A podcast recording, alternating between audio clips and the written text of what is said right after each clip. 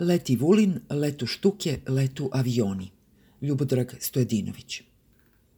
Vulin je konačno podigao avijaciju. Nema sumnje da taj herojski podvig ne bi bio moguć bez sadističkog parafa vrhovnog. Diži sve što leti da prepadnemo raju. Sve ima svoje granice, ali strah nema. Juče, negde između 10 i 14 sati, bilo je nekoliko taktičkih naleta na ralju sa namerno prekoračenim limitima ekstremne buke. Moguće je da to mesto, tamo gde se privodi kraju Beogradski atar, a počinje Šumadija, krije u sebi neko utvrđenje koje nije po volji vlastima. Meštani krive šije, gledajući u slobodno nebo, ne bili uočili ciljeve ratnog vazduhoplovstva. Ali ne mogu da se sete ničega. Ničega nema u ralji što je vredno probijanja zvučnog zida na zemlji.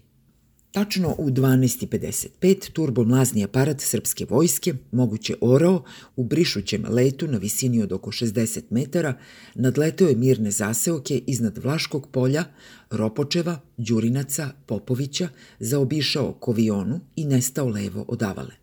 A zatim se sve to ponovilo. U seoskim dvorištima, gde mirno žive domaće životinje, nastupilo je vanredno stanje – Kokoške su preskakale ograde, petlovi se čerupali međusobno, a zatim jurcali po dvorištima, ćurke su začuđeno gledale u druge ćurke. Ćurani su bili relativno pribrani. Psi su je ukali i pokušavali da se odvežu, a dve koze su ispuštale zamalo pa ljudske krike. Sused Mitić je dotrčao da me pita, komšija, ti verovatno znaš, koji jebeni ludak tera avione preko sela? Rekoh da ne znam, jebenih ludaka ima mnogo. Izgleda da se razmnožavaju međusobno ili prostom deobom. Taj odgovor nije preterano zadovoljio Mitićevu radoznalost, ali čovek otide da smiruje živinu i da raspetljava kuće. U stvari, teško je rastumačiti tok misli i način donošenja odluke da se ratna avijacija digne protiv virusa. Dakle, o kakvim se tu glavama radi, šta ih održava u radnom stanju i ko je sve takve sabrao na jednom mestu. Jednostavno, nema dobrog odgovora – zašto su se na naše grbače popeli najveći mamlazi u istoriji Srbije, inače bogate takvim stvorovima. Misao da je to jedna od najglupljih zloupotreba moći valjalo je proveriti. Ali to nije samo glupa ideja, savršena za ludnice koje imaju sobstvenu avijaciju. Reč je o nečemu što je mnogo gore.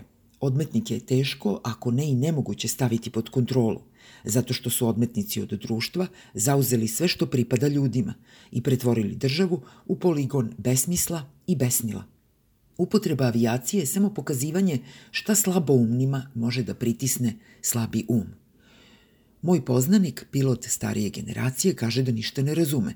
Ne zna šta je svrha, kakva je poruka, zašto se troše piloti usred pandemije ali misli da je uterivanje straha prvi motiv vrhovne komande da pokrene turbo mlazni urlik po Srbiji. Iako ovde već ima mnogo veće količine straha od iracionalnosti vladaoca nego od bolesti, smatra se da je užas lekovit i da izaziva paralizu svake ideje o otporu. Dizanje avijacije je akcija protiv građana Srbije jer drugih nema. To je preventivni signal za ono što dolazi posle i poruka u čijim je rukama toljaga. Možda je sada lakše razumeti hipotezu vrhovnog da smo svi mi u ratu. Protiv koga? Pa protiv virusa. A u ratu su sva sredstva za odbranu zemlje dopuštena, pa i avijacija. Kako srpska avijacija ubija COVID-19? E, to zna jedino struka. Znali se kad će avioni prestati da plaše narod. Ključne su sledeće dve nedelje, kad krivulja počne da pada. Ne sme se naglo prekidati sa dejstvom ratnog vazduhoplovstva. Deluje li još jedno mitsko lutanje vladaoca po prostorima izvan pameti kao njegov logični razvojni put?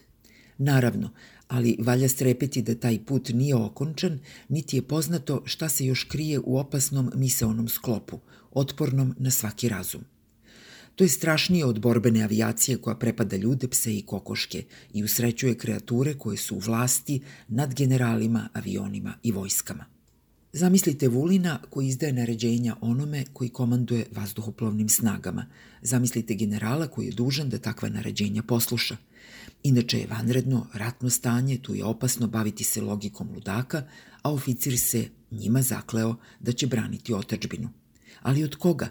General zna ko je najviše ugrožava, ali taj mu i komanduje. Radije će držati svoj položaj i tako sjeban, ponižen i sa glavom u zadnjici sastavljati cokule pred jednim vulinom. I tako se iz razmetljivog ćefa leti nad zarobljenom šumadijom. Leti Vulin iznad svog fizičkog obličja, očaran sobstvenim ratničkim umećem.